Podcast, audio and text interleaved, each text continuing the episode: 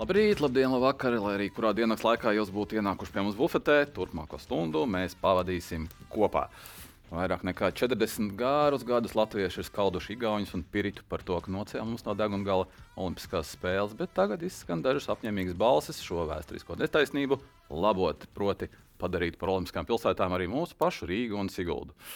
Vai gribam celt uh, virs galvas karogu, kas asociējās tieši ar mūsdienu Olimpiskās kustības likumiem un vērtībām, uh, tas ir uh, ne tikai saimniecisks jautājums, bet arī filozofisks dabas jautājums, par ko mēs šodien arī parunāsim. Tā būs viena no tēmām mūsu ēdienu kartē kopā ar otru bufetnieku ierasto Jāņu Anševicu, kurš pa labi no manis. Un Ivo Lakučs šodien ir ieradies pie mums no tālās Valmieras, divkārtais olimpiets, divās dažādās disciplīnās, turklāt divkārtais olimpiskā čempiona treneris, fiziskās sagatavotības treneris šobrīd futbola klubā Valmiera. Savulaik pabijis arī politiķa lomā, pašvaldībā un ko tik vēl dzīvē nav darījis. Bet šodien noteikti palīdzēs mums pašķitināt visas tās tēmas, kuras mēs esam sadomājuši pašķitināt. Sveiks, Ivo, prieks tev redzēt. Sveiks visiem sveiciens un arī tiem, kas tagad sāk skriet, jo pārsvarā podkāsts klausās tie, kas skrien krosiņus vai maratonus. Celīšu augstāk, solīt garāk, vairāk ēriņu un ausis vaļā. Apstāties, mēs sākām. Skatāmies un, Un, jā, Ar skatāmies. noderīgiem Jā. padomiem mēs esam sākuši. Klau, uh, sāksim ar BMX. Pirms apmēram gada, kad tev uh, zvanīja, runājāmies, tu teici, BMX plūst no manis projām. Tie ir palikuši varbūt kā 20% manā dzīvē, bet, kad es tev zvanīju, uzaicināt pie mums uh, piesēst bufetē. Tu zini, es esmu Amerikā tie ar saviem čaļiem, mums tagad ar riteņiem, mums tagad patestēsim, paskatīsimies, tad stāst, kā īsti ir tas tāds brīvā laika vaļas prieks, vai joprojām tu esi tur ar, ar sirsniņu iekšā. Nu, jā, nu, pareizi tu pa- pateici beidzamā teikumā, sirsniņa tomēr ir iekšā. Un, ja tā sirdsniņa ir iekšā, tad viņa arī ir iekšā. Un, kā jau es teicu, arī sanāk, tad jauna, jauna paudze ir uzaudzināta un, un, un, un tie rezultāti sāk veidoties un parādīties. Un to, ko es redzu jau trasē, ko es sagaidu no tiem puikām, kas tur brauc, tad tas jau ir patīkami skatīties. Un, nu, tā vienkārši pagriezt muguru, aiziet projām, nu, nav iespējams. Un tāpēc uh, mazliet esmu apakaļ, jo man arī mazliet pavaicāja, pajautāja, vai es varu atdot BMX mazliet vairāk par saviem 20%. Tad es teicu, ok, darbojamies un ejam tālāk. Tā kā viss kaut kā lēnītiņām atkal sakārtojās un, un spēja apvienot abas lietas. Bet tie ir tie bērni, kas tev kādā ilgākā laikā, ne? Jā, jā, Pirms tu esi jau no- sācis jau no jā, bērna jā. kājas, un Mhm. tagad negribu vēl vienkārši atstāt uz ielas eh, ceļmalā. Jā, nu, rokā. selfish varētu teikt, negribu atdot citiem. Bet, nu, ja es nespētu vēl to, dar, nu, vēl to darīt un korrigēt, un ja viņam tā uzticība pret maniem būtu zudusi, tad, tad es to darītu. Bet uh, arī Kristēns jau mēs tomēr ejam uz to, uz to olimpisko mm. cerību un uz to olimpisko sapni. Un viņam tas ir liels notikums, tā kā vēl mums viss priekšā ir. Tāpēc uh, nu, vēl kaut kā jāpagrozās, jāpastrādā, lai, lai, lai viss sanāktu. Ivo, mēs studējam par bērniem, par Kristēnu, par Parīzi parunāsim. Pirms 2000. gada, kurš tev parādīja, ka to mazāko ritenīti ir foršāk braukt? Jo nav jēgas īsti prasīt, kas tev tuvāk sirdī - treka riteņbraukšana vai BMX, jo visa pārējā dzīve tev parāda, ka tas ir BMX. Bet kurš ierādīja, ka tie mazie riteņtiņi tur pasēdēs, nepasēdēs, tikai mīsēs, ka tā ir foršāka stela? Nu, laikam jau jāsaka tā, ka tas, kas ir pirmais, tas arī paliek tas, tas, tas noturīgākais. Ja es sāku ar to riteni pa mājas pagalmiem braukt un ņemties un lekt un darboties, tas man tā kā iedzina to iekšā to dzinuli. Un, un tad pārsēdos uz citu, tā bija tā kā palīdzēšana vai kā savu spēku novērtēšanā, un, un saredzēšana un attīstīšana. Un īstenībā tas man pēc tam palīdzēja savā sporta veidā, bet visu laiku kaut kā redz.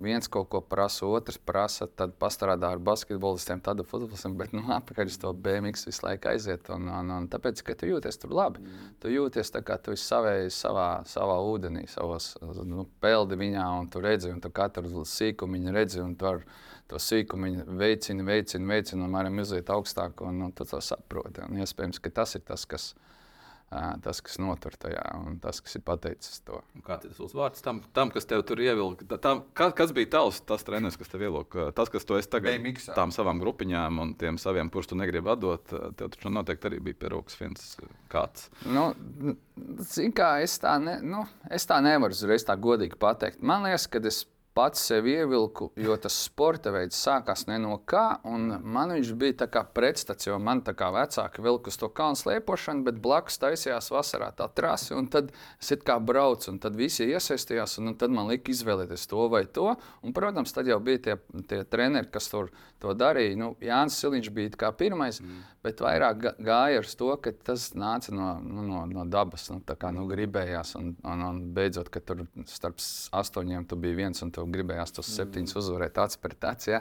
Tas visu to vienkārši uzkurināja un, un, un, un, un ievilka iekšā tas pats sporta veids. Un ar to, ka tas sporta veids nebija mums nu, tāda nulīta pa lielam, ja? kad bija, mēs bijām pirmās sacensībās viena ceturto daļu no visiem līderiem aiz viņiem, tad tas zinulis bija tas, ka mēs taču varam. Un tā tas vienkārši auga. Un, un, un, un, protams, tie kūrētāji, protams, Jānis Siliņš, Aldons Rubļevs, kas bija tie, kas vispār to sporta veidu, Stepo, Stepons Jonkus, tie bija, kas to sporta veidu vilka turēja, un tie bija mūsu vecāki. Kas, kas kūrēja, un, un tāpēc mēs tur palikām. Viņi attīstīja, un mēs attīstījāmies līdzi ar viņiem. Un, Varbūt tas arī kalni, ne tikai kalnu slēpošanā. Ne, tur labāk ar ritenīt nekā ar, nekā ar slēpēm pa tiem kalniem. Tā. Kalni, jā. Kalniņi, Nu, starta kalni šobrīd tur, ir tur ir kalniņi drīzāk, bet labāk ir eh, silts arī laiks nekā augsts laiks. Tādā Ā, nu, tas- tas- tas tas man, tas man arguments. liekas, ka man bija pats galvenais, ka man tā ģērbšanās un viss tas nē, nē, nekad nav patikusi. Un Tāpēc es labāk silti izvēlējos nekā augstu. Un tajā laikā, kad es vēl sāku to kalnu slēpošanu, tur bija vairāk jākāp augšā nekā jābrauc lejā. jo nebija ne buļbuļs, nekas. Tad mums bija lieliem puikām bija jānomīna tā trasa, jo sniegs bija tik, cik viņš bija tajos laikos. Un, un tad mēs tur vairāk tur es teicu, nē, kā tas nav mans. Atpakaļ. Jā. Saka, saka. Nē, cik tev ir šobrīd uh, grupiņas, un cik bērni, un cik ir tā liela to saimniecība? Man tā, lai ā, saprastu. tajā sporta BMX. Jā. Jā. Man ir tā, ka. ā, Vēl mēs sports skolā. Jā, Malmēras sporta skolā man ir viena grupa, kas ir pilna grupa, tā kā, tā kā augsta, augsta sasnieguma grupa, kurā es vēl esmu arī kā, kā konsultants augsts klases sporta grupai. Tā kā var teikt, divas grupiņas, kur mēs kā vienojam kopā, taisamies un, un, un kopā kad 15 bērni, Cienījami. par kuriem es tā, nu, tā atbildu vairāk. Vai Jā, Latvijā nākamā lielākā zvaigzne varētu būt Veronika Stūriška? Viņai viss nosacījumi, lai viņa būtu jā, BMX, un, un, un viņai ļoti liels um, solis jāspēr attīstībā. Viņa ir to pamatu ļoti labi ātri sasniegusi. Tā kā mēs arī skatāmies uz bērniem mūsdienīgi, ka ja 16, 17 gados tu spēj konkurēt, un tavs ātrums ir jau pie elites līmeņa, tad ar tevi kaut ko var rēķināties. Diemžēl tik skarbi sportā mēs skatāmies tagad. Un, un tie jaunieši tie, kas nepazūd tajos datorspēļu laukos un visur tur, bet kas, kas, kas parāda jau 16, 17 gados, kad ir fiziski kustīgi. skarbi. Tā tas Ē, nu, varbūt kādreiz, nē, varbūt tas ir jauni. Mēs tā kā bišķi nozogam to, to jaunību. Nu, tādā ziņā bērnība ne, bet jau jaunība mēs nozogam, jo tur tusiņi nesanāk. Jo tur ir, lai tādu līmeni sasniegtu kā Veronika. Viņa ir online. Yes, jā, jā lai tādu līmeni sasniegtu. Nu, tur jau ir. Jā, jā. Labi, tāpēc mēs to- gaidām, mēs gaidām to, kas ir izvēlējušies pareizi. Nu, priekš mums, kā treneriem, priekš mums, kā sporta, mums ir, mēs gaidām tos, kur izvēlējušies pareizi. Bet pārsvarā lielākais procents izvēlās nu, nevis nepareizi, bet kaut ko citu, nekā sūri, grūti un smagi strādāt. Tik cik man ir stāstījuši paši sportisti un sportistu treneri, Veronikām uh, vēl nav tik traki, kur ir acīm redzams potenciāls. Bet ir drusku tā pelēkā zona. Varbūt būs, varbūt nebūs. Un arī tie paliek bez nosacītās jaunības, bez tusiņiem, bez izklaidēm, jeb ar mazāk tusiņiem. Arī tad, un- Jā, jā. Ir arī pat, viņiem arī sporta nesanāk. Viņiem nesanāk beigās nekas.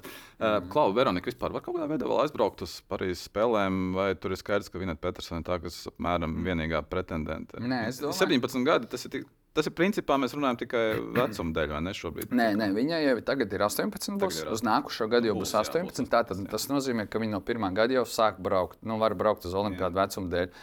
Viņai, kas ir jāizdara, viņai ir jāpāriet no, viņa ir junior, Jā. otrais gads. Viņai ir jāpāriet, tagad viņa būs U23, viņai jāpāriet no U23 uz, uz eliti, jāsāk braukt un uh, māja beigās vai māja sākumā ir pasaules čempionāts, mm. kurā izšķirsies. Viņa var nopelnīt vienu un viņa var, var, viņa var gan arī vinēt. Tā kā Minēt Petersonu. Jā, Minēt Petersonu. Ar viņu vai viņam vienkārši nācijām jābūt labākā vietā, augstākā vietā no tām, kas ir atlasījušies. Tas pats kā čaļiem arī princips ir. Un, un, un viņi var to izdarīt. Jā. Kas ir ar čaļiem? Ar čaļiem ir ļoti augsts standarts, kurus tu ar Māras uzlicis. Nu, nav variantu. Es tev prasīšu, mm -hmm. kurš, kurš ir tas, kas var pasaules līmenī varētu.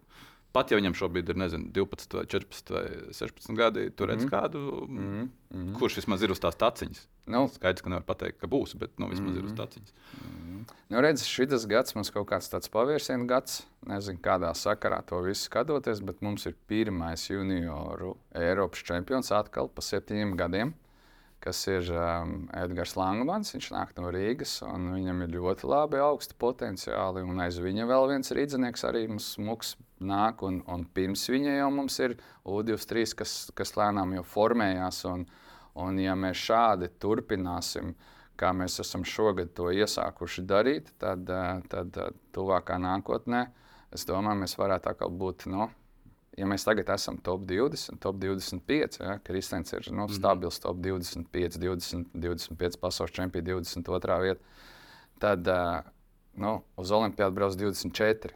Ja, tā kā mēs uz tās robežas esam, bet uh, par cik tu tikko teici, tās augstās latiņas ir, ja, tad mums vajag vismaz top 10, lai mēs varētu nu, tiešām teikt, roku sirds likt, ka mēs varam cīnīties par medaļām Olimpiādē. Nu, pagaidām uz šo brīdi, nu, redzot, kā tas sports attīstās un cik viņš ir attīstījies un cik viņš ir dominants, palicis no vienas nācijas, kas ir Francija, tad eh, nu, nu, jāmeklē kaut kāds pretzāls, jāmeklē vēl kaut kādas varianti. Nu, tur jāstrādā ir bišķiņ smagāk, nopietnāk un, un, un, un uz atlasi vai uz, uz to darbu. Bet par cik mēs esam mazliet iepriekšējos gadus visus iekavējuši ar to attīstīšanu savā sulā ma maļoties, ko var redzēt arī, kas šogad notiek, tad nu, es ceru, ka vēl, nu, es teicu, ka deviņi gadi būs vajadzīgi. Nu, septiņi. Varbūt ir jāsāk no paša sākuma. Nu, tie, kas iet bērnu dārzā, tāds puika, Rojas iet bērnu dārzā, varbūt viņa māsa Emīlija, tavi bērni. Emīlija brauc vai ne? Jau trenējās. Nu, nē, nē, nē. nē. Netrenējās? Nē, nē. Nu, taču brauc. Dejot, dzied? Dzējot, dejot, De... dzied, jā. Un, nu, nē, mani bērni, nu, nezinu kāpēc, bet es laikam esmu pats tāda personība, ka vēl vienreiz tam visam izmalties cauri, jo es zinu, ko tas ko tas ir prasījis ne tikai no, no, no visa apkārt, kas no sporta, bet no personības, no iekšējās lietas, no tās visas. Es nezinu, vai es otrais ar savu bērnu gribētu, lai to sasniegtu, iziet teikt, cauri. Nu, vairāk ir tā. ņemts nekā dots. Jā. Jā, nu tā tas ir no vairāk. Nu, varbūt, varbūt tas ir astotā. Tas ir viss skaisti. Tas, viss, tas, skaisti, jā, bet... tas viss ir skaisti. Jā, bet tāda sajūta ir, ka varbūt tas, kad mēs sākam no nulles un esam darījuši tik daudz nepareiza, tik daudz lieka. Bet iespējams, ka tas liekais mūs ir turējis apmēram tādā tā kā karmas procesā. Jūs izdarījāt, jūs izdarījāt vairāk nekā citi, un tad jums no, vienkārši tā, veik... Jā, nu, tā veiksmīte atnāca. Jo nu, mēs esam tik daudz atkarīgi no dažādām sīkām niansēm. Un tad tu domā, ja, Pieņemsim, pieņemsim viens stāsts, ko es varu stāstīt. Man liekas, visu. Rubens Strāsi, ko es uzbūvēju. Nu, es noņēmu nu, sešus, nu, sešus smagus gadus. Nu, nu, tiešām, ja, un, un aizbraucām uz to Londonas Olimpiādu, kas man bija visu vai neko, bet to skaļi nevienam neteiks. Un, tad es stāvēju tādā tā kraujas malā un teicu, šis viss, kas ir aiz muguras, un mēs līdz finālam knapi tikām, nu, tādā ziņā. Viss, kas ir aiz muguras, ko mēs esam darījuši, lai mēs tagad to visu pazaudētu un, un izgāstos. Un tad tu zini, ka tev tie seši gadi, tad viss no malas tev nories, noēdīs, ha, ha, hu, hu. Ja? Bet, tā, kad tas mums izdevās, tad tu saproti, tas laikam bija tas. Tas, tas, tas ceļš, tas pamats, tas, tā, tā noturība uz to beidzamo braucienu, tie seši gadi, kas mums ļāva visu laiku palikt sevi un ticēt tam, ko mēs, mēs to varam izdarīt. Jo to, ko mēs redzējām, ko tas Mārcis var izdarīt tajā trasē, nu, viņš bija galvasties pārāks. Bet kurš, kurš varētu teikt to, ko tu tikko teici? Nu, ne jau tev būtu jāsaka. Es nezinu, kāpēc. Labi, Pekina neskaitās, uh, ja tu nepieminēji, tur nebija tie seši gadi. Mm. Kā trenerim ar Māri. Divi olimpiskie zelti. Uh, tāda ir dzīve. Jums vēl varbūt nav tik liela tā tūkstošdaļa. Tieši tāpat tu gatavojies skeletonā. Tu atdod tos četrus dzīves gadus, varbūt tu neesi uzbūvējis Rubenes vai Cīrulīšu trasi, ja tā bija cita paudze. Un tev var būt tā tūkstošdaļa padara par. Bet tavā gadījumā jau tā nav. Tur ir Pekinas zelts un uh, Londonas zelts. Nu, jā, nu, Pekinas zelta atkal noraksta uz to, ka man bija tā iespēja tajā 2000. gadā ļoti daudz pieredzes savākt tajā olimpiādē, un, un par cik mūsu sporta veidam bija pilnīgi jauns tas, tā sacensība kā tāda. Es ar savām prognozēm, protams, kļūdījos, jo es uzskatīju, ka vecie izšaus. Mm. Ja?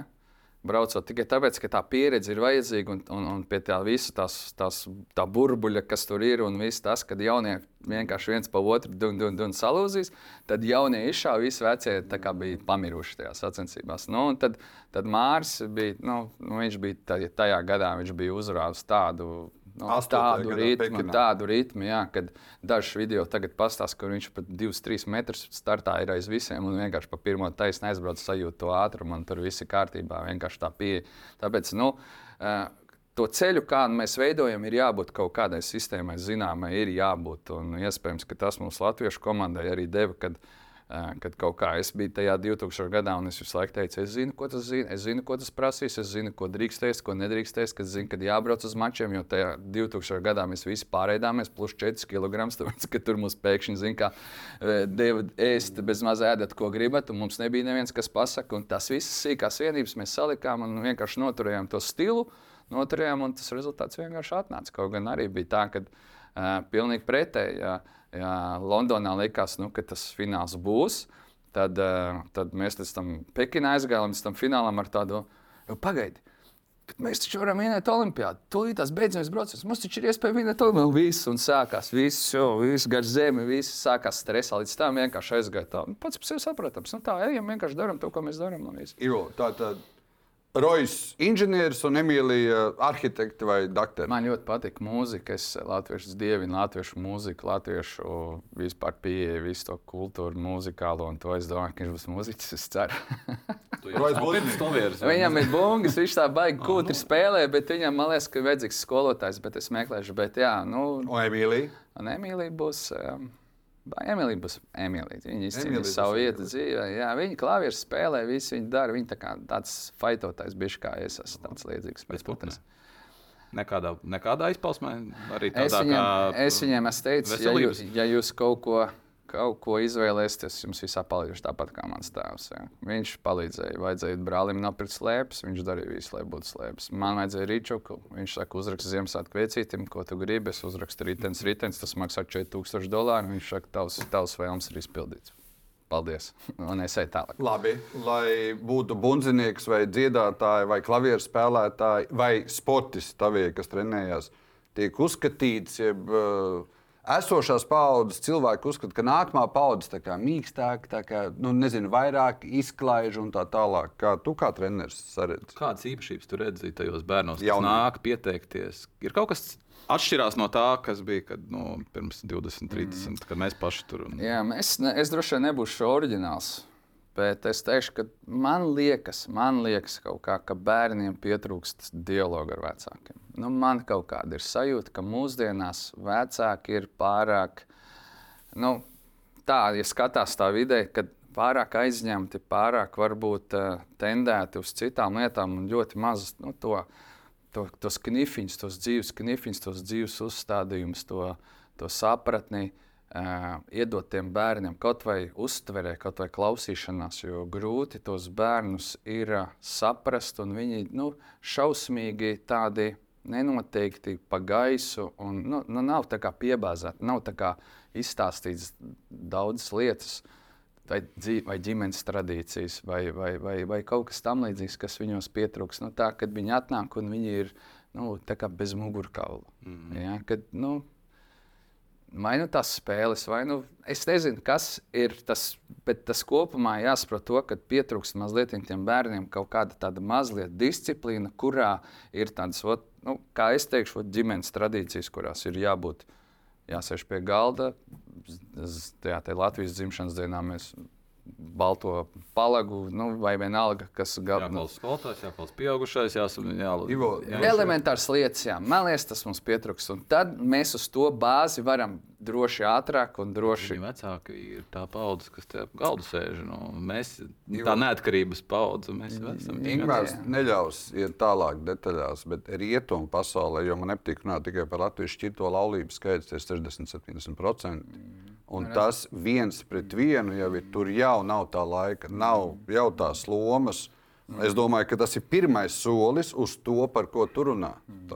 Nē, es varu saprast, mums ir, mums ir mainījies, mainījušies laiki, mums ir mainījušās vērtības, ir jācīnās par sevi vairāk, ir jāmeklē savu vietu zem saules, un, un bērniem mazāk. Es, es to visu saprotu. Bet, uh, Nu, laikam jāstrādā divi tik. Nu, Tāpat kā, lai tu izcīnītu olimpisko čempionu, man bija seši gadi, tā trase jābūvē un jāslīpē un jādomā ar domu, kad mēs būsim gatavi tam vienam braucienam, tad iespējams, ka tas viss arī vecākiem ir jāsaprot, ka nu, divi tik jāstrādā. Kā tu tiec ar to galā? Ar šādām situācijām, ar šādu paudzi, ar šādiem bērniem. Ok, tev savādāk, varbūt es jau ilgus gadus strādāju ar tiem, kuriem tu strādā, Jā. bet kopumā ir Kad ir šīs situācijas, kad nu, izšāva korķis, ka tas ir, nu, tu saproti, ka otrā pusē tā izpratne un vērtības ir, ir, ir, ir zero. Nav, nu, nav. Tu, jūs esat pilnīgi atšķirīgās pasaulēs.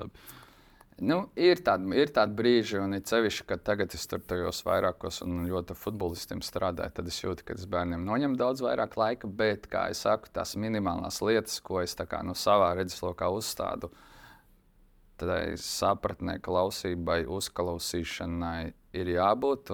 Citreiz es esmu diezgan skarbs, ja tas aiziet kaut kur projām. Un citreiz man uznāk, dungš nodot pa, pa glāzēm atpakaļ. Un, un, nu, nu, kaut kā ir smēģina. Un, nu, nu, nezinu, nu, kā tas sanāks, kā nesanāks, nevar teikt. Bet, bet um, nu, manai, man liekas, ka galva pa priekšu neiet, viņi tādi apdomīgāki mazliet ir. Un, un, un, un tā, ka es pa viņiem varu būt drošs, ka sabiedrībā viņi. Nu, nebūs tādi. Nu, nu, man liekas, ka viņiem ir jābūt nu, sabiedrībā, jābūt normāliem, iecietīgiem, tādiem. Un, un, un, un tas vecākiem ir pirmkārt bērniem jāapstāsta. Pēc tam jau treneris izdarīs visu pārējo vai skolotājs. Bet uh, tā klausība, tā uzklausīšana, tas, tas viss nāk no vecākiem.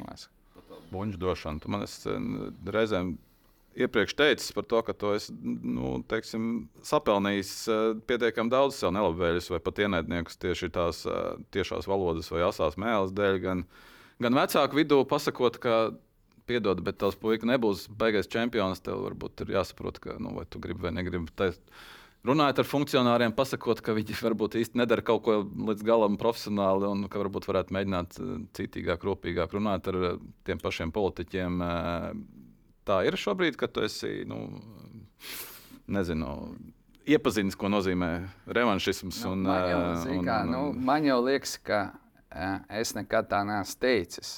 Jo man ir tā, tāds teiciens, dumšs nevis tas, kas dumi izsakās, bet dumšs tas, kas dumi saprot. Man jau liekas, ka es tā neesmu, un, un, un es esmu tikai pieminējis, ka ļoti daudz kas jādara un ka tur nu, tā. Nu, nu, Jo tāpēc, es jau redzu, kur, nu, kas ir vajadzīgs un kas, kādas īpašības vai kādas lietas jābūt, kādai attieksmei, kādai dzīves redzējumam jābūt. Nu, jo man ir ko salīdzināt, man ir bijis tā pieredze strādāt ar to, un, un, un tad jau es kaut kā cenšos to pateikt, vai cenšos kaut ko mainīt un, un darīt tajā lietas labā, bet tā konkrēti nevienam uz tādām uh, varžacīm, kā saka, nesu nu, baigi, baigi tur lecis, bet uh, tā es nebaidos savu viedokli pateikt. Jā, nu, Ivo, es, kā saprotu, tas jau. Es gribu no citas puses pajautāt, vai tev arī no imēļa saprats, ir tēti vai mammas, kas ir uh, bijuši nepriecīgi, ka viņiem tiek pateikts, ka viņu bērns nebūs čempions. Bet vai pēc uh, trim, četriem gadiem tev nav neviens tētis teicis paldies? Jo tam vajadzētu būt arī BMW riteņbraukšanā, tāds lūzuma posms 14, 15 gados. Kad es ceru, es teicu, viņš būs, viņš brauks, mm. kas te mums tās nākamās Parīzēs. Mm. Un tas nozīmētu, ka tas uh, puika vai meitene ļoti lielu enerģiju un dzīves laiku velta tam, ko tētis nav mācījis saprast, redzēt. Un tad paiet tie 3, 4 gadi. Viņš varbūt ir mācījies, izvēlējies. Nav neviena bijuši, kas ir teicis paldies pēc Ka tam vēlāk. taisnība. Ka tev bija taisnība. Ka varbūt Pasakot, ka nebūs. nav tāda gadījuma. Mēs nemākam tā. Nav tāda gadījuma. Man liekas, ka nav man tāda gadījuma bijuši. jā. Jo es varu pateikt, man ir bijis ļoti svarīgi, nu, nosauksim blakus, man tieši par to pārliecināties.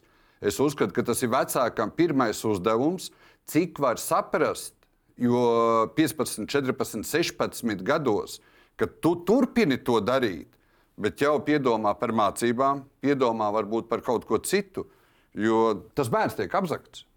Vecāki, lai nu, dara, ko grib, tā ir ļoti liela vērtība saprast, iedot, ka tev kaut vai parādīt citus dzīves ceļus.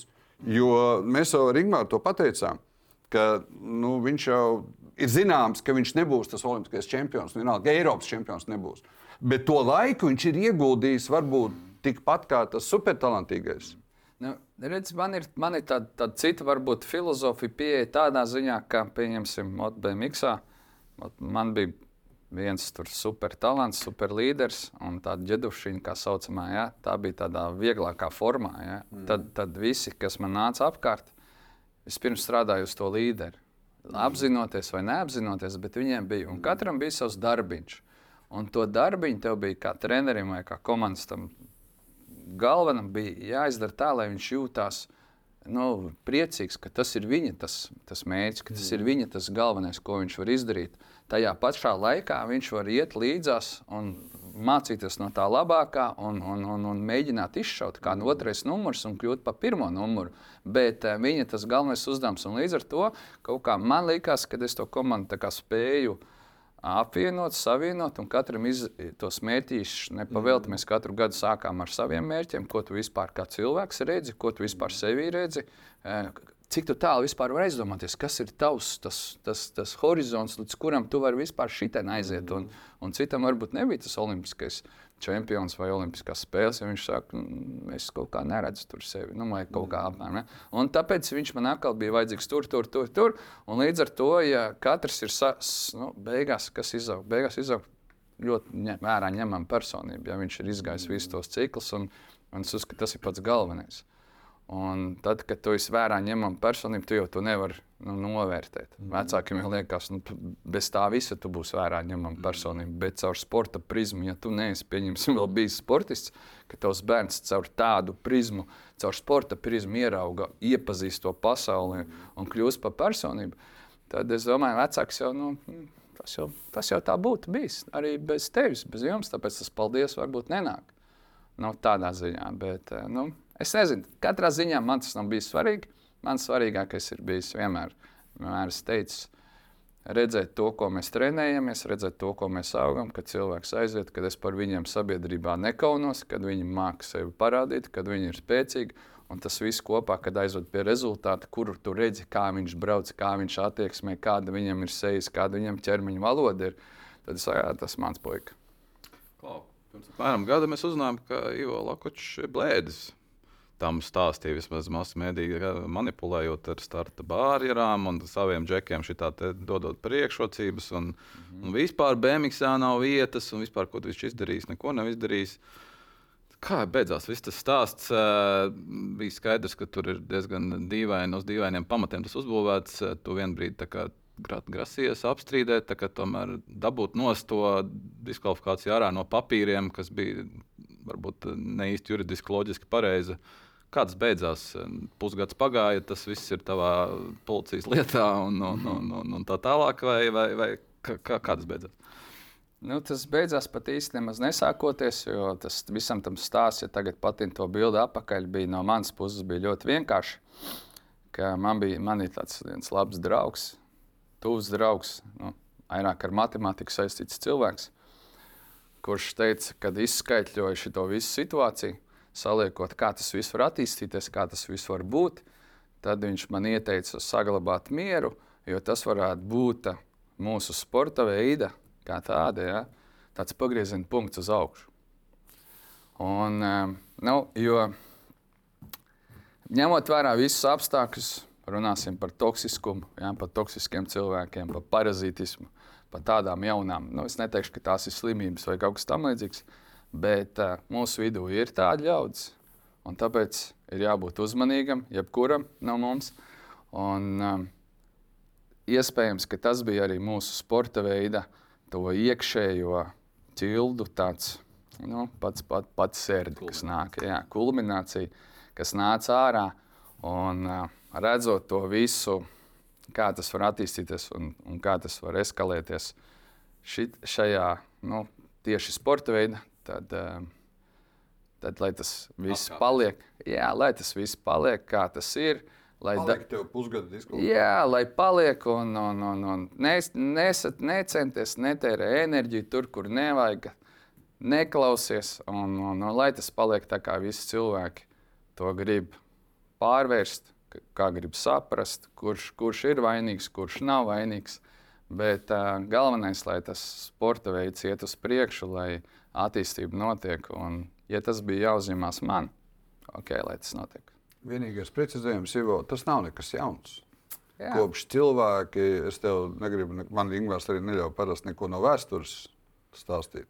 No pirmsākumiem, jebkāds, viss, ko tu pieminēji, kopš ir divi vai trīs cilvēki kopā, tā notiek. Mm. Jā, diemžēl, un tādā mazā sporta veidā kā mūsējais, tas bija vēl trakāk.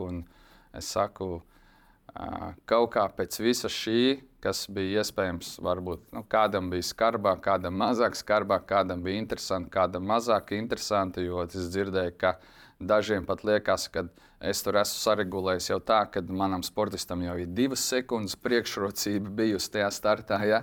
Tad eh, nu, jūs saprotat, par ko, pa ko mēs te runājam, kādā veidā kā tas lai paliek. Katrs interpretē, kā grib, bet uh, mēs ejam tālāk, kā būs uzsaka. Uz priekšu, jau uz finālu. Un šogad mums ir pirmais Eiropas čempions atkal Francijā junioriem, kur mums kopējā sadarbība viss, viss aizgāja tajā sporta veidā. Tāpat Monika brauc un, un pa puikām prieks, un mēs neesam tālu no olimpiādas. Iespējams, ka tas atkal bija tāds labs solis, lai mēs vienkārši atzīmtu, lai pārstrukturizētos un iet uz priekšu. Brīnišķīgi. Jo mēs varam pāriet pie futbola, pie profesionālā futbola. Tas, tas ir tavs pamatdarbs. Ne? Šobrīd tas ir mans pamatdarbs, jā, un lēnām viņš man arī. Nu, es laikam tāds cilvēks esmu, ka tagad es jāsaka tā, ka nu, ir sirdī iekšā, un, un es arī tagad.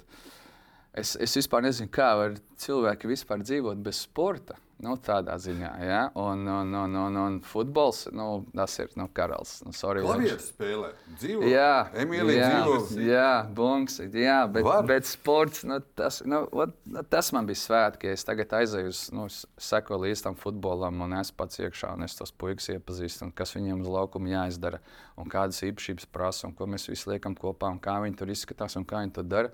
Tad aizējot uz spēli. Un tie nu, nu, ir tie svētki, kas es aicinu visus līdzekļus. Nu, nu, iep, nu, iepatīkam sports. Nu, iepatīkam es gribētu sports. ļaut, lai Lakučs atbild divo. Rojām un Emīlijai patīk sacensties. Ļoti. À, tad ir cits. Tāpēc, ka ir citi, kas vienkārši nezina, ignorē bērniem. Nu, nes, jā. jā, viņam uzzīmēt. Mm. Viņam bērnam mm. patīk dziedāt, viņam mm. patīk nodejot un pat deju kolektīvā, tur, kur sākās par to astotni. Jā, ok. Nepatīk sacensties. Es esmu novērojuši arī bērnos tādu lietu. Bet tā nav nepatīk sacensties. Tā ir nemācīšana zaudēt un tikt ar tām Protams, negatīvām, jā, jā. negatīvām emocijām. Bet tas atkal ir nevis ārstējums, bet tas ir mācāms. Ar to ir jātiek galā. Un tas atkal iespējams nāk vairāk no ģimenes no tā, ka arī jāstāsta labā puse un jāstāsta arī sliktā vai arī kreisā puse. Ja? Jo, cik tu esi treneris ar jau ojojoj pieredzi, cik tu esi bijis blakus situācijai, ka mūsu treneri tiek mācīti tikt bērniem galā ar zaudējumiem. Tici man, tur, kur ir īpaši es vairāk bērnu, es piekrītu. Mēs gribot, negribot, tie vecāki, kam ir vismaz divi, Viņš gribot, negribot īpaši jaunākiem, ģimenēs tic man māca. Bet es neesmu dzirdējis, ka treneri tiek mācīti tikt galā ar zaudējumiem. Tas ir viens, tāpēc, ka iespējams, ka treneri nav tik pārliecināti par to, ko viņi dara, un ļoti bieži pielaiž ļoti tuvu vecākus.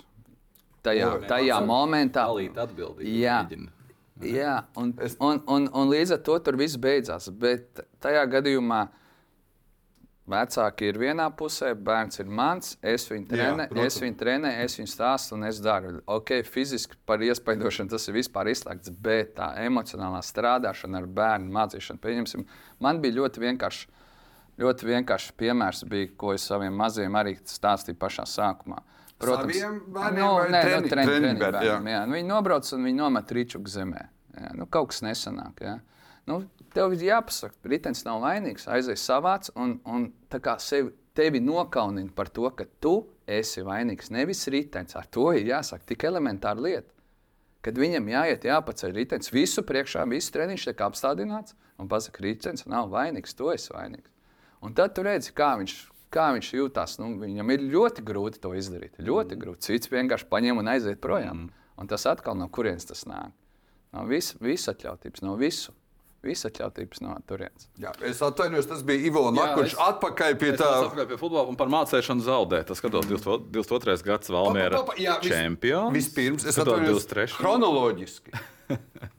Mēs nonāksim pie zaudējuma, bet pirms zaudējuma uh, trenerim, olimpiskā zelta izcīnītājam, trenerim uh, divkārtējam un Latvijas zelts Valmieras futbola klubam. Kas tās bija pie emocijām? Valmieras futbola klubs. Nē, tikko sk skudriņš sagāja te galvā. Jā, tas, bija, tas bija viens super varants gads, bet uh, tas rezultāts, kas bija, tas bija sekundārs.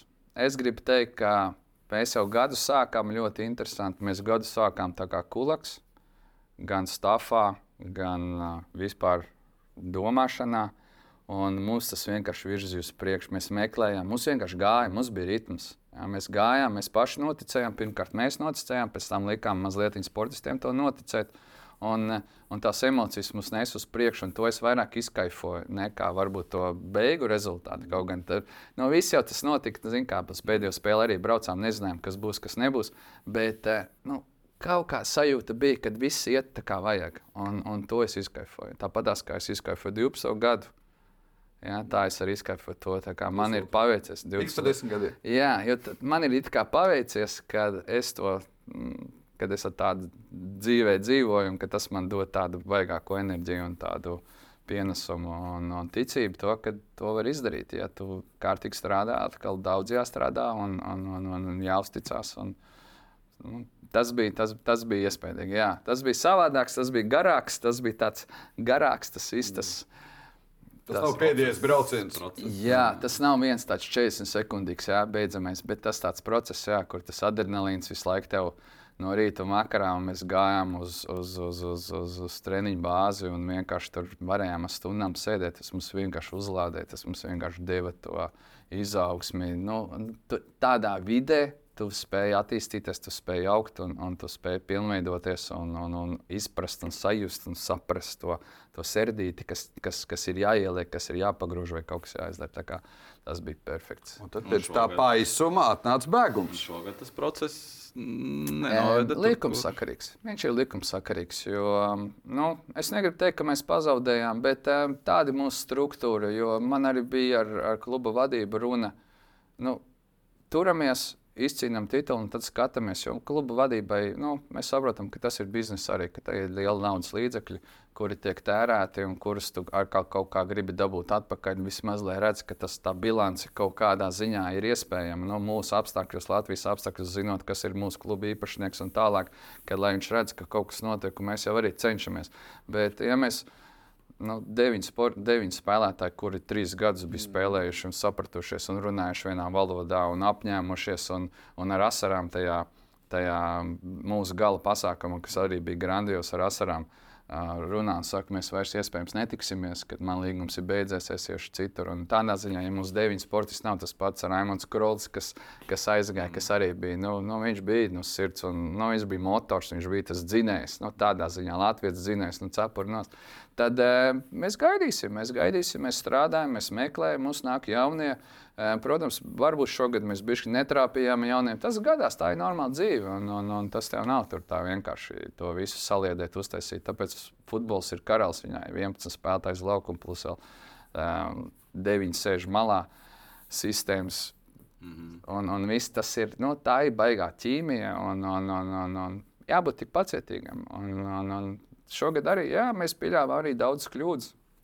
Mēs paši nespējām no tā ātruma nosēsties. Bišķiņi nesapratām, ka tie spēlētāji varbūt nav tik ātri un spiedām no viņiem. Mums bija bišķiņi lielāks traumatisms šogad, bet izskatās, ka tas ir bijis visiem vai tie laikapstākļi vai kaut kas tamlīdzīgs, jo sākām pa ziemu, pa sniegiem un, un, un tādā ziņā, un tas sākums bija drausmīgs. Bet, bet no tā visa mēs mācāmies. Bet, e, mums, es nekādā ziņā negribu teikt, ka tas bija mums tā kā tāds tā kā bēgums, bet rezultātā ziņā jā, bet e, mūsu tajā strād, darba ziņā un tie, kas mums ir atnākuši un cik kāda līmeņa un cik viņi ir. Es domāju, mēs arī diezgan labi. Protams, trešā vieta mums būtu, es būtu ļoti, ļoti priecīgi. Nu, viena spēle mums pa lielam izšķīra, bet uh, mēs mācāmies no tā visa. Nu, nevar teikt, ka mēs esam diezgan neapmierināti vai arī saskumuši. Protams, gribās laiku pa pirmo vietu cīnīties, bet jāsaprot, ka tie ir cits svarkaus. Tur, nu. Rīk, tur ir rīktīgi svaru kausi. Tur. Jā, nu, tur viņam gatavs sportists. Viņam jāieliek sistēmā, viņam ir jāpieradina, jāiespēlē tas. Mēs jau audzinām. Nu, mēs vismaz ņemam, nu, mēs, mēs audzinām, mēs dodam. Mēs, mēs, mēs veicam. Summā mēs runājam. Reiz divi, reiz trīs, reiz četri. Viņiem ir reiz četri stabili. Nu, Puskomandas nu, puskomanda reizināts, puskomanda lielākajā. Nu, tā, nu, simtprocentīgi. Bet uh, tas arī nav tas, jo redzat, ka nu, viņi arī beidzamā spēlē, nu, nu redz, nu, nu. Tas ir tas, kas vienalga, ko... cik tu esi, bet es saku, tas ir tas, ir tas ko es saku, kraujai jābūt aiz muguras. Ja? Jo tādās, nu, nu, tas ir sports. Ja? Tev jābūt ir tam lielam mazumam aizmugurē, ka tu nepazaudē sevi tajā pēdējā minūtē, tajā mm. beidzamā braucienā. Ir jābūt ļoti lielam aizbergam, ļoti lielam darbam izdarīt. Iespējams, ka viņi kaut kur kādu shortcutiņu uztaisīja. Ja? Un, un tāpēc nu, nu, neatnāca tāda, kā vajadzētu. Nu, mēs bijām labāk sagatavojušies beidzamajai spēlē. Ja? Un tā ir atšķirība starp, starp mums un, un to četras lielāko. Ja? Kad mēs to cērtam, mēs kaļam Mm. Un mēs vairāk esam, mēs varam būt vairāk sagatavojušies. Tas viens Rīgas klubs ļoti tur, turēja īkšķi par jums, lai jūs būtu gatavi tai pēdējai spēlē. Tas ir jautājums, kā, cik ļoti viņi turēja īkšķi. Nu, lai arī jūs palikāt bez medaļām, jūs tomēr uh, bijāt pie stūres tajā pēdējā kārtā virslīgas, kad izšķīrās čempions un uh, beigās arī izšķīrās šo, šo čempionu. Pirms spēles uh, pastāstīt, kas notika, cik daudz zvanus saņēma spēlētāji vai klubs vai Nezinu, vai Mārcis zvanīja un piesaistīja prēmijas vai zvanīja. Vai Pakauskas, es domāju. Vai, eh, nezinu, varbūt no Rīgas klubs eh, kaut kā mēģinājis likt jums manīt, cik viņiem svarīgi un cik būtu skumīgi zaudēt. Cik, eh, Kādu restorānu piesolīja? Nu, kaut kā un tā. Nē, nu, es jau tikai tas, redzēs, klubā neesmu tas, kuram nāk tās ziņas, jo es esmu fiziskās sagatavības treneris un es esmu. Nu, nu, nē, nu, tā ir. Nu, jo galvenais. Nē, tu treniņā es pa vidu, tu visu, nē. Nu, okay, okay, bet uh, tas saka, kas, kas tur notiek tur augšā kabinetā vai vienalga. Man nav vispār nekad ne mazākās sapratnes, bet, protams, treniņā to, ko tu zini, to, kad uh, um, pārsvarā ir, ko es esmu dzirdējis, tad uh, senegālietis senegālietim zvana. No tādā ziņā, ja, kad vai brazīlietis brazīlietim zvana un saka, jau, nu, zin kā, nu, Un Latvijas atvietība. Tad tevīm ir grūti. Jā, nu, varbūt jā, tevīm grūti. Varbūt tu tur, tur, tur ir baigi labi spēlēt. Tur, nu, pārsvarā tā, tādiem, nu, lai nosaukt tevi no strīpas, tādiem tu labi spēlē. Komplimentiem tieši. Ar komplimentiem, jā. Es vairāk dzirdēju, ka tādu vairāk tādas. Un, Un tas varbūt nostāda savādāk, nu, ko tu man zvani, kāpēc. Un, un tā, bet nu, tu nekad nevari zināt, ko tas bija. Bet, bet pārsvarā par neko tādu tur par restorāniem vai kaut jau tur. Nē, nē, nē nesam, mēs, nebijām, mēs bijām restorānā pēc spēles, jā, bet es domāju, es redzēju, kurš samaksāja to rēķinu. Jā, bet es saku, tas ir. Bet, Tas jau ir normāli. Nu, tā jau droši vien notiek. Nu, protams, viņiem jau tas ir. Oi, lielajos turnīros, citur oficiāli. Jā, jā. Nu, tur. Mm. Tas ir. Bet zināt. es saku, varbūt tā viņiem ir, varbūt bija kļūda, varbūt nebija. Bet nu, mums, ko es zinu, kas mūsu uzlādēja, bija tiešām tas RFS tā filma. Ja? Un es zinu, ka treneris arī viņu parādīja pirms paša paš šitā. Jo mums nav nekas pret Rīgas klubu vai pret RFS vai nekā. Bet, bet uh, nu, ja pagājušajā gadā mēs it kā gājām, nu, mēs vairāk sev ticējām, ka mēs, mums ir jāuzvar. Un mums nu, drošības pēc arī RFS būtu forši, ja viņi neizšķirtu nospēlēt Rīgu. Jo, nu, zin, kā pirmais tituls ir pirmais tituls. Tad, ja, ja tu esi nu, tāds prezidents un tu tā vari pateikt, nu, kā, un tas vēl aiziet publiski, tad nu, tu nevari saviem spēlētājiem pateikt, nu, čaļ, nu, pats, kā viņi pret mums. Ja? Tā kā ejam savā laukumā un nu, spēlējam un, un, un parādām savu sniegumu. Un, un, un, un, un es zinu, ka pagājušā gadā mēs tieši spēlējām RFS. Mums arī bija ļoti svarīga spēle. Tur beidzamā spēle bija tieši Valmīrā spēle, es uzliku uh, tajā te, um, ģērbtuvē uzrakstu, ja tu gribi būt. Ja tu gribi būt čempions, tev jāuzvar čempioni. Un mums bija tieši tāda spēle ar RFS. Ja? If you want to be a champion, you need to beat champion. Ja? Mm.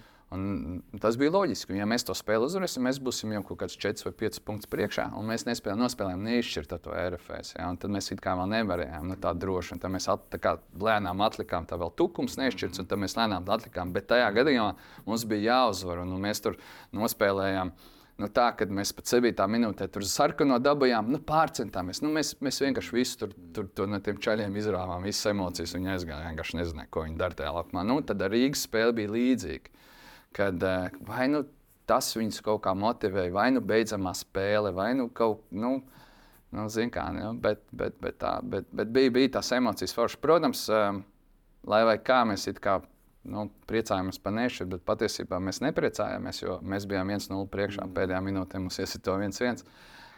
Kaut gan mēs vēl iekšā mazliet ticējām, ka tā Daugopils varbūt apspēlēs to audu, mums tā trešā vieta. Nu, tas arī mums tā kā bišķiņi deva to, jo nu, tas mums bija, jo mums ir futbola mājā, džimā uzlikts, mums tie vimpalīši stāv un mēs tur tā diezgan tā publiski, ka mēs zaudējām tā mētā, es aizgāju, pagaidiet, pagaidiet čaļi, es viņus tā kā sildi, saku, pagaidiet, vienu momentiņu skatāmies. Es paņēmu mūsu jau implīti no trešās vietas, tā diezgan brutāli man uzlika, re, kur mēs esam ceturtajā. Nu, ar, nu, tāda mums tā sadarbība un tāds tas viss tas gads mums iet. Un... Kā pa to līniju, kurā tu esi spečuks un kur tu strādā, futbols, Latvijas futbols un fiziskā sagatavotība. Kāds ir tavs komentārs, ko tu redz virslīgā, ko tu redz Latvijas izlasē? Par to daudz diezgan runāts, bet eh, nu, tavām acīm. Mm, es domāju, ka fiziski. Um, Ne, problēmas jau vienmēr var atrast. Jā. Vienmēr var atrast problēmas, un nekad arī nebūs labi, ja būs labi. Tā tas arī būs, un ja nekad tu nebūsi fizisks. Nu, nu, ko es saku, tad nu, vismaz mūsu komandā ir tā, ka fizika iet tagad pa priekšu brīžu futbolam. Jo mums ir varbūt tāda līmeņa spēlētāji, sevišķi latvieši. Negribu te nevienu no, nonicināt vai kaut ko. Kad mēs citreiz esam tik spēcīgi, tik agresīvi, tik ātri, kad aizskrienam bumbai garām. Un tas nav tikai tāpēc, ka spēlētājs varbūt nav, bet uh, infrastruktūra. Sākam atgriezīšos pie tās nolādētās tēmas, kas Latvijā ir, jā, ir infrastruktūra. Tas jāuzlabo vispirmām kārtām. Protams, visi iet paralēli. Jā. Jo nu, tie laukumi ir šausmīgi. Jā, tie laukumi ir šausmīgi, un es jau sāku sūdzēties to, ja es jau varu izspiest spēlētājiem 34, 35 km/h spēlē ātrumu, tad uh, mainoties no mākslīgā uz zaļā ir ļoti liela atšķirība. Tas aiziet gan pa tavām kājām, ja tev pusotru stundu ir jāskrien tādā ātrumā. Tev vidējais ātrums ir diezgan augsts, diezgan liels, un tev jāieslēdzas virziena maiņas, un kas tik tur nav. Ja? Tad, eh, Pārējot no tā uz to, nu, mums rodas problēmas. Mums rodas problēmas ar, ar, ar, ar atjaunošanos un ar pārējām. Tās spēles ir tik sistemātiskas un gada sagatavošanās. Nu, tur ir vienādi sakot, ļoti liels problēmas, un es uzskatu, ka tā ir mūsu infrastruktūras arī lieta, kurā mums nav arī infrastruktūra gan ziemai paredzēta, gan vasarai, gan mums ir tie klubi un visas tālāk. Bet par fizisko, um, nu, man liekas, ka tagad ir tāds periods, tāds, tāds laiks, ka fizisko uztrenēt ir visvienkāršāk, nu, visātrāk un, un jau zināt, jau mēs zinām, kas mums ir vairāk vai mazāk jādara. Nu, no visa var izvilkt ārā to mazo mēlniņu, kas tur skries un darbosies. Ja? Ar pieeju, ar psiholoģiju, ar, ar sagatavošanos, ar, ar nodrošinājumu to, ko mēs esam visi dodam. Nu, nu, tas ir ļoti, nu, to var nodrošināt augstā līmenī. Man, mēs paskatāmies uz Messi, tad man liekas, ka psiholoģija ir priekšā vēl fizikai. Pēc svarīgi, un tu teici, ja fizika iet pa priekšu futbolam, nu, tad ja psiholoģijai, mentālajai gatavībai būtu jāiet pa priekšu vēl fizikai. Viens, nu, tur jau arī tāds talantiņš mazliet. Nu, tas bišķi, tās, jā, jā. nu, tur Nu, minimāli. mēs visa, nu, Minimāli, Jā, nu, mazliet, mazliet, vai ne? Bet tā kopumā. Nu, Bet, ā, jā, protams, jābūt pārliecībai, vai ne? jā, bet, Tu jā, vari tas- neskriet tos 14 km, bet jābūt pārliecībai, ka uh, tu būsi īstajā vietā. Un... Tas ir, jā, ja tu to saproti, tu vari neskriet. Bet uh, par cik mēs to nevienmēr visu saprotam, tad mums ir jāskrien. Un uz to mēs arī ejam. Nu, kad mums ir jāskrien, mums ir jādod viss. Mēs, uz, nu, mēs jau arī esam tagad bišķiņi arī ar mūsu galveno treneru, ar Jurģi.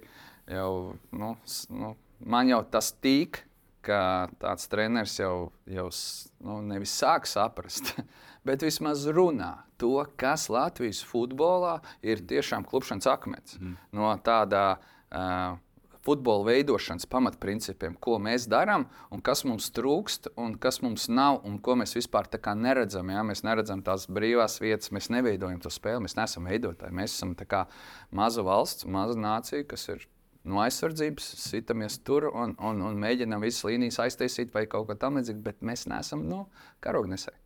Ivo, tikai lai to saprastu, Amerikas Savienotajās valstīs tiek uzskatīts, ka ir tāds nu, finansiāli pamatots sporta veids, amerikāņu futbols.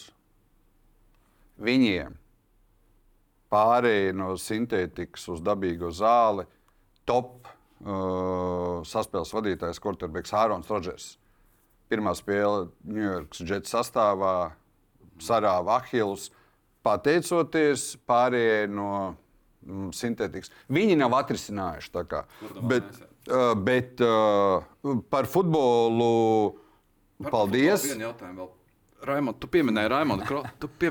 Krolu. Man interesē, viņš aizbrauca uz Itāliju. Mm. Viņš viņu tur pakritizēja par to, ka viņš tur sezonas beigās, eh, viņiem sezonas beigās, mums jau pēc sezonas nebija tur fiziski gatavs. Ta, sēž viņš arī tagad uz soliņa, zinot Raimondu, pasaka, kā viņš tur jūtās. Tas tomēr ir mūsu labākais džeks, kas mums ir. un Viņš sēž, viņš sēž Itālijā uz soliņa, zinot, ka viņš ir. Nav tāds vienkāršais flegma, pa, pa, pa dzīvu peldētājs. Viņš domā, analizē, nu, pasaka, kas notiek viņa galvā un ko tu redzi, kas ar viņu notiks tālāk. Nu, jā, viss bija kārtībā, lai viņš arī, lai viņš arī sēdēja speciāli uz soliņa, kad viņš bija A sērijā. Viss bija labi, tas viņam bija tā lielā, bija arī labi spēlētāji viņam, un, un, un viss bija forši. Uh, nu, diemžēl, ļoti diemžēl, ka viņi izkrita. Nu, tas bija tāds varbūt negaidīts, tas ir priekš viņa paša negaidīts. Ir. Uh, tas viss samainīja kājām gaisā. Vismaz nu, pēc manis, es saku, pēc savas sprieduma, ka samainīja kājām gaisā, jo viņš bija, es biju aizbraucis pie viņa spēli, parunājos, un, un viņš bija pozitīvs. Viņš teica, es sagaidīšu savu, savu brīdi, es esmu mierīgs, pacietīgs, es pielieku tur, es saprotu itāļu, mācos valodu, visu daru, treniņos spēlēju. Es zinu, ka viņam arī mūsu čempionu gadā bija ļoti grūti iet vispār tādā ritmā. Viņš ir tāds, varbūt tāds lēnais vilciens, bet kad viņš iet, tad aiziet. Ja? Jo viņš viņam ņūks ir, viņš trāpīt var, viņ, viņš viņam vajag. Un, un iespējams, ka nu, tas, tas tirgus, ja? nu, tur nevienu ilgo, nu, tur ir ātrvilcieni visi. Ja? Nu, Itālijā kāda vilciena ir tur. Tas viņam ir jāmāk, tas viņam ir jāsaprot, tas viņam ir jāpāriet. Vai nu, viņam ir pašam individuāli māte, vairāk kā pirms treniņiem jānāk, jāstrādā ar sevi, bet, bet viņam tas ir, tas ir no viņa, tā, no manas no mans perspektīvas skatoties uz viņu. Un tagad um, nu, viņa tajā B sērijā, un tur nomainījās treneris. Nu, nu, cerams, ka tagad būs labāk. Un, kad tur aizgāja, cerams, ka būs labāk un ka viņš varēs spēt pierādīt to. Bet nu, izskatās, ka diezgan tāds drūms tas skats no viņa puses. Bet, um, Tā sportā notiek. Jā, meklē klubs, kur uh, vajag prečiniekus. Tā sportā notiek. Jā, un, un, tur es domāju, viņam arī ir tie priekšā teicēji, padomu devēji, un, un tā, lai viņi, nu, tagad viņa darbs, tādā ziņā viņa darbs ir. Jā. Bet eh, jā, no tās puses es, es iespējams varbūt sapratu, varbūt nesapratu, bet tas jautājums bija, kāpēc viņš no mums aizgāja tā kā čempions un nu, sēdēja uz bankas. Jā. Jā, tas bija daļēji- Nu, tā, tas bija nu, jā, jā, tas ir nē, nē, tas- sezonas tas- fāze, bet, Jā, jā, sezonas fāze. Un tas arī mums ir tā problēma, ko es uzskatu, kāpēc mēs nevaram deliverot tos spēlētājus tādus jau. Nu, bišķiņi jau tāds, jo mēs tikko esam beiguši, mums tikko bijuši ir septiņi Mm. mēneši, nu, pilnīgākais cikls, un, un viņš pēc mēneša paraksta un aiziet, un kad viņi ir pussezonā, ka viņi ir vislabākā formā. Tas, tas, tas nav labi. Tāpēc mums, nu, tur atkal tas ir tāds zīlēšana, tas ir tāds bizness, kur tu var trāpīt, var netrāpīt. Un mums būtu mums būt pussezonā jādod spēlētājiem. Mm. Bet kurš čempionu gadā grib to kroli atdot pussezonā? Nu, mēs viņu iespējams, es nezinu, kaut kā akla augšu tur darīt, bet jo viņam bija beidzies jau kaut kas, viņa pagarināja vai, vai viņam. Nu, Mēs viņu grib, negribējām atdot. Mums vajag, nu, vismaz tāpēc sāk, nu, to pirmo titulu davai, un jā. pēc tam jau domāsim. Jā, tāds mums apmēram pieejams. Uh, tu biji tu arī Olimpiskai kustībai pagājušajā gadā. Tur notika? Sēdēja vienā studijā, jā, mums bija viens prezidents, kurš iecirta pirkstu seifā, un tad pēkšņi atbrīvojās krēsls, un mēs Žoš sākām domāt, iecirt, uh... pirkstu seifā, teiksim mm. tā. Mēs sākām domāt, kas sēdīsies vietā, un Ivo Lakučs sēdēja krēslā un teica, ka, nu, to varētu, nu, ne, nu, Kāpēc ne? Kur ir tas krēsls? Kur man ir jāsaka? Kā ir šobrīd? Kā ir šobrīd? Tuvojās atkal tas periods, kad mēs vēlēsim Vajag aizmuguri, vajag pārliecību, kur tu tās savas kauliņas jūti, ka tev viņi kaut kur salikti vietās, vai tas ir arī aizgājis kaut kāds jau stāsts.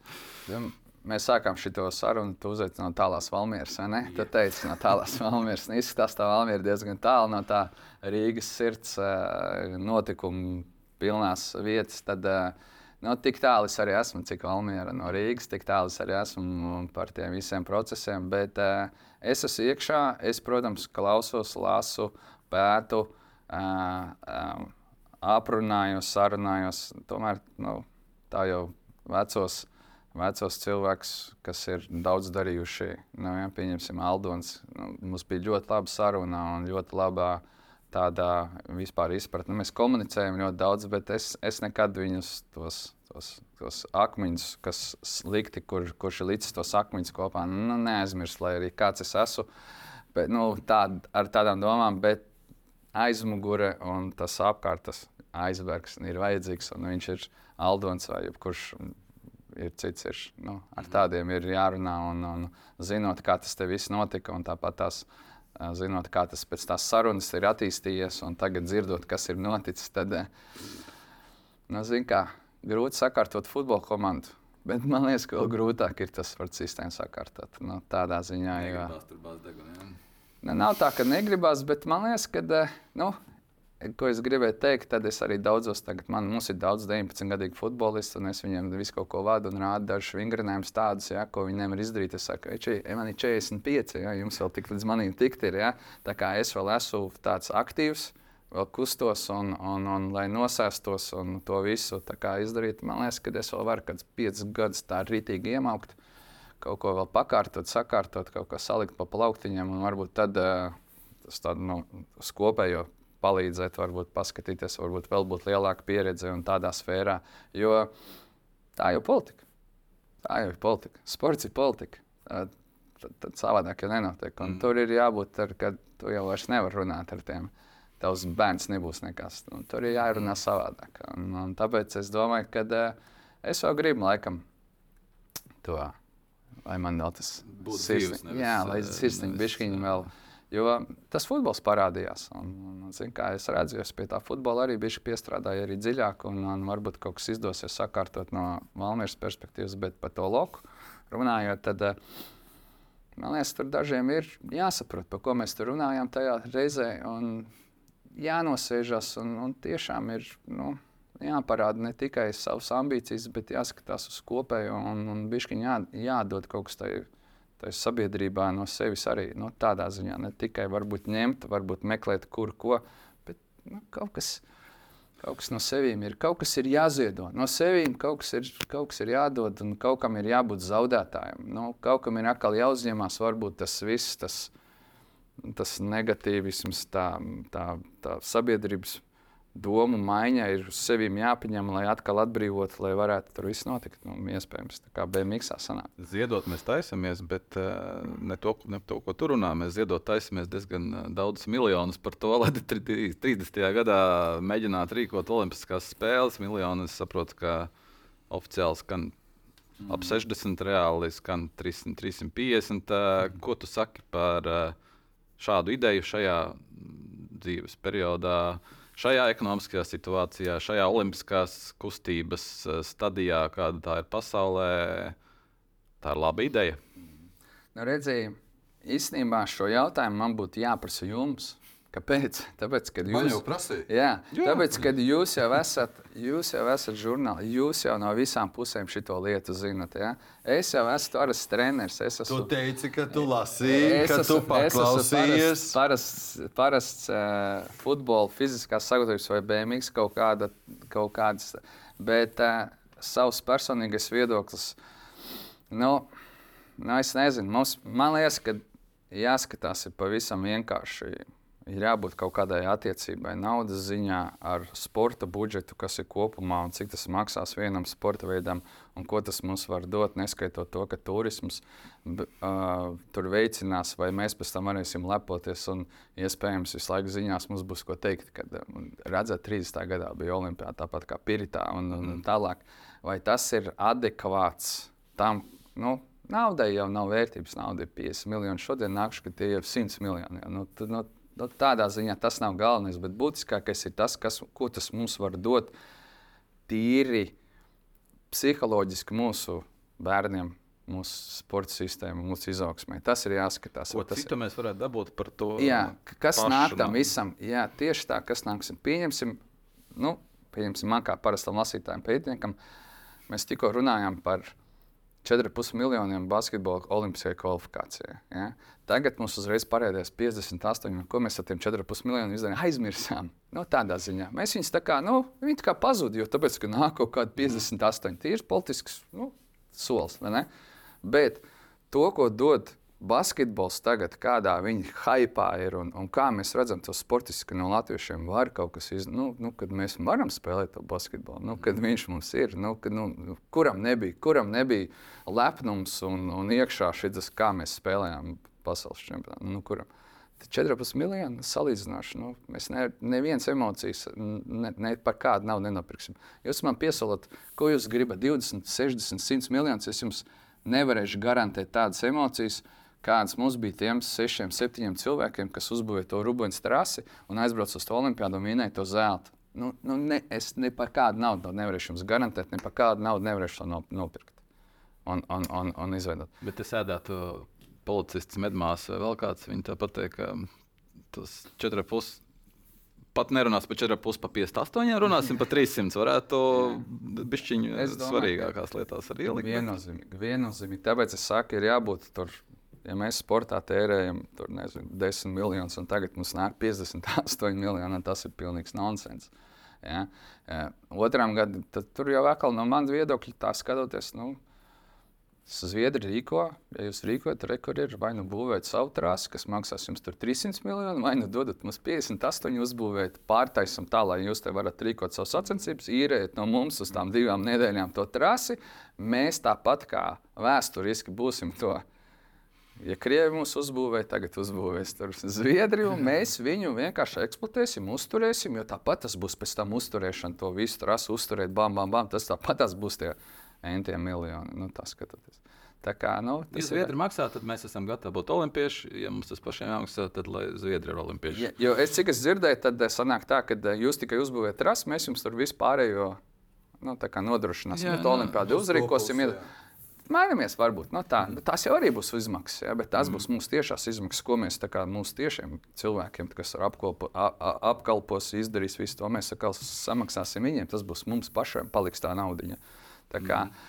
lasīt, tur Dukur, Dukurs, Dukur Dainis tur teica, ja, ka mums jābūt gudrākiem. Un Es uzskatu, ka mums jau sen bija jābūt gudrākiem, un vienmēr ir jābūt gudrākiem. Ja mēs esam tik maziņi, mums ir jābūt gudrākiem. Jā, nekas cits nātiek. No sporta vidas uh, maz skan tādas lietas, kā cik izmaksā olimpiskā medaļa, tā skaitā Pekinas un, un, un, un uh, Londonas. Cik daļēji tu pieskaries, ka tas ir ļoti dārgi. Un maz izskan tas, ka nevis ko iegūs bērni, bet cik bērni iegūs. Ko Ingūns saka, teica, tos 58 miljonus sadalot, ka uh, esotai olimpiādei vienalga vai par 58 vai 300 miljoniem, kas galā varētu būt tā 30. gada olimpiskā trase. Ko var izdarīt un ko mēs iegūtu, ja tos 300 miljonus Tas, ka mēs tagad mēs dalām prioritātes, visi cītīgi jau entos gadus nevar neko sadalīt. Tu esi bijis eh, vienā tranšai pusē, tā teikt, olimpiskā čempiona augsts sasniegums sportā, augstākā džeka. treneris, un otrs puses bērnu treneris, un tu redz, kas notiek bērnu sportā.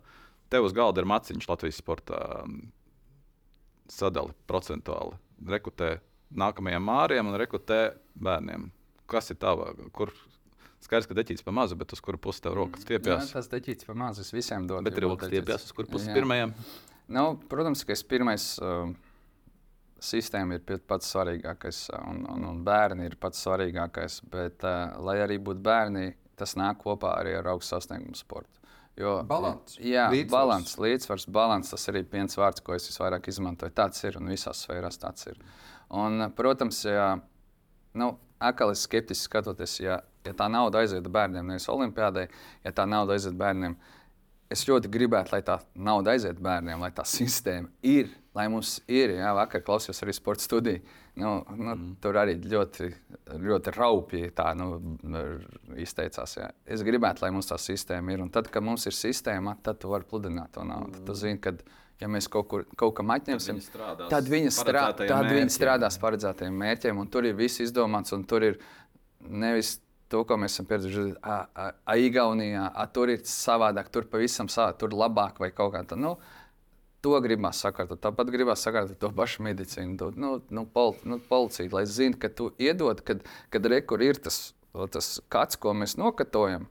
Kad mēs iedodam, un tad viņiem ir tā sistēma uzlabojusies, un, un kad mēs atdodam to olimpiādi, nu, no sporta viedokļa, es kā sporta funkcionāri, atdodam to olimpiādu, ok, viņiem šoreiz ir prioritāte, viņi mums tagad ir dabūjuši, viņiem viss aiziet.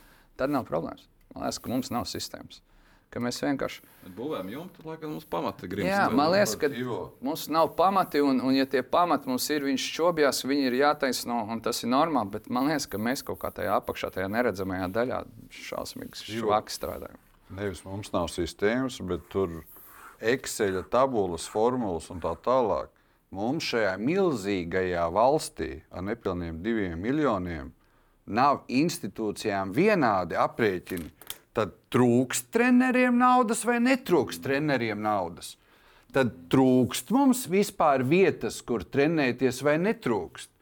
Ivo, mums, kad palūdz veselības ministrijai ļoti laipni, mums ir ātri aprēķini, cik izmaksā uh, šādu slimību ārstēšana, kura pamatā rodas no liekā svara un maskustīguma. Mums nav tādas formulas, ne viss sistēma mums nav. Mums tagad, kā teica uh, Vladimirs Steinbergs, tagad valsts nu, kaut kad drīzumā iemācīšoties vienādi aprēķināt tos turistus. Nu, tici man, uh, nu, lai iemācās. Jau ok, ir 2023. gada novembris. Nu, varbūt, ka vajadzēja agrāk, bet, ja būs 23. gada beigās vai 24. gada sākumā, tad mēs varam izspriest uh, pasaules čempionātus motokrosā, rallijā, olimpiskās kvalifikācijas un olimpiskās spēles. Šobrīd tur rekur. Šitā man sarēķināja A sacensības, tā B un tā tālāk. Tā kā, kur nu sistēma? Mums tur nav Pitagora teorēma, es nezinu, kas tur bija. Ne tā katetes, ne tā hipotenūzas, vai varbūt vieta teorēma, kāda sistēma. Ai, tā ir baigā piekrītu. tēma. Tā jā. ir baigās tēma, un, un jo tu dziļāk ej, tu saproti, ka tu dziļākā bezdimenī, jā, bet jā, nu, ko, ko, mēs varam, ko mēs varam teikt? Nu, Ivo, mēs varam runāt. Es, es personīgi nedomāju par uh, bezdibeni. Es domāju par to, ka vismaz es varu jautāt, un es varu pats teikt, un es varu palūgt tos ciparus. Es varu runāt. Nu, man, tā kā es nemāku Rubenē uzcelt trasi, Tu esi mēģinājis? Māci, māci, māci. māci. Mm, nu, es izvēlējos, Jā. es izvēlējos pirms daudziem, daudziem gadiem savu darbu. Un dod daba, lai mēs katrs izdarām savu darbu, un mēs runājam. Tad mēs mēģinām, turklāt runājam bez ļaunuma. Runājam, es vismaz bez bezdibeņiem, bez tā, ka kāds ir vainīgs. Nu, pats prasīt ciparus, nu, rādīt, ka ir iespējams savākt tos ciparus un veikt aprēķinus. Tad saskaitīt gan medaļas, gan bērnus, gan cik uh, ir vietas, kur nodarboties ar sportu dažādos vecumos. Un, ja pietrūkst uh, šīs vietas, tad mēģināt palīdzēt aprēķināt, ko tas maksā valstī pēc 5, 10 un 20 gadiem. Es Teiksim, paldies, Ivo, par to, ka ļāva mums Teiksim. šodien darīt to darbu, ko mēs pirms kāda laika izvēlējāmies. Savukārt mēs laidīsim Ivo darīt to darbu, ko viņš ir izvēlējies, jo futbolists gaida uz treniņu. Prieks sarunāties ar tevi. Apusēji. Prieks Paldies, ka uzaicinājāt. Jā, un tie, kas eh, beidz klausīties vai beidz skriet, jā. Pulsi, jā. Pulsiņš, jā. es domāju, ka šis bija viegls skrējiens, jo pagājis super ātri. Jā, bija Bet stundiņa ir pieveikta, tas ir labi. Pieveikt, jā. Tie, kas, tie, kas skrēja, tie visi piebremzējam, padzeramies. Tie, kas neskrēja, tie ceļamies, neejam skriet. Bet, jebkurā gadījumā, pēc nedēļas slēdzamies klāt un atkal klausamies eh, mūsu joprojām no jauna. Bet šodien mēs liekam punktu. Paldies, Ivo, paldies Jānim, paldies jums, ka klausāties. Tiekamies pēc nedēļas.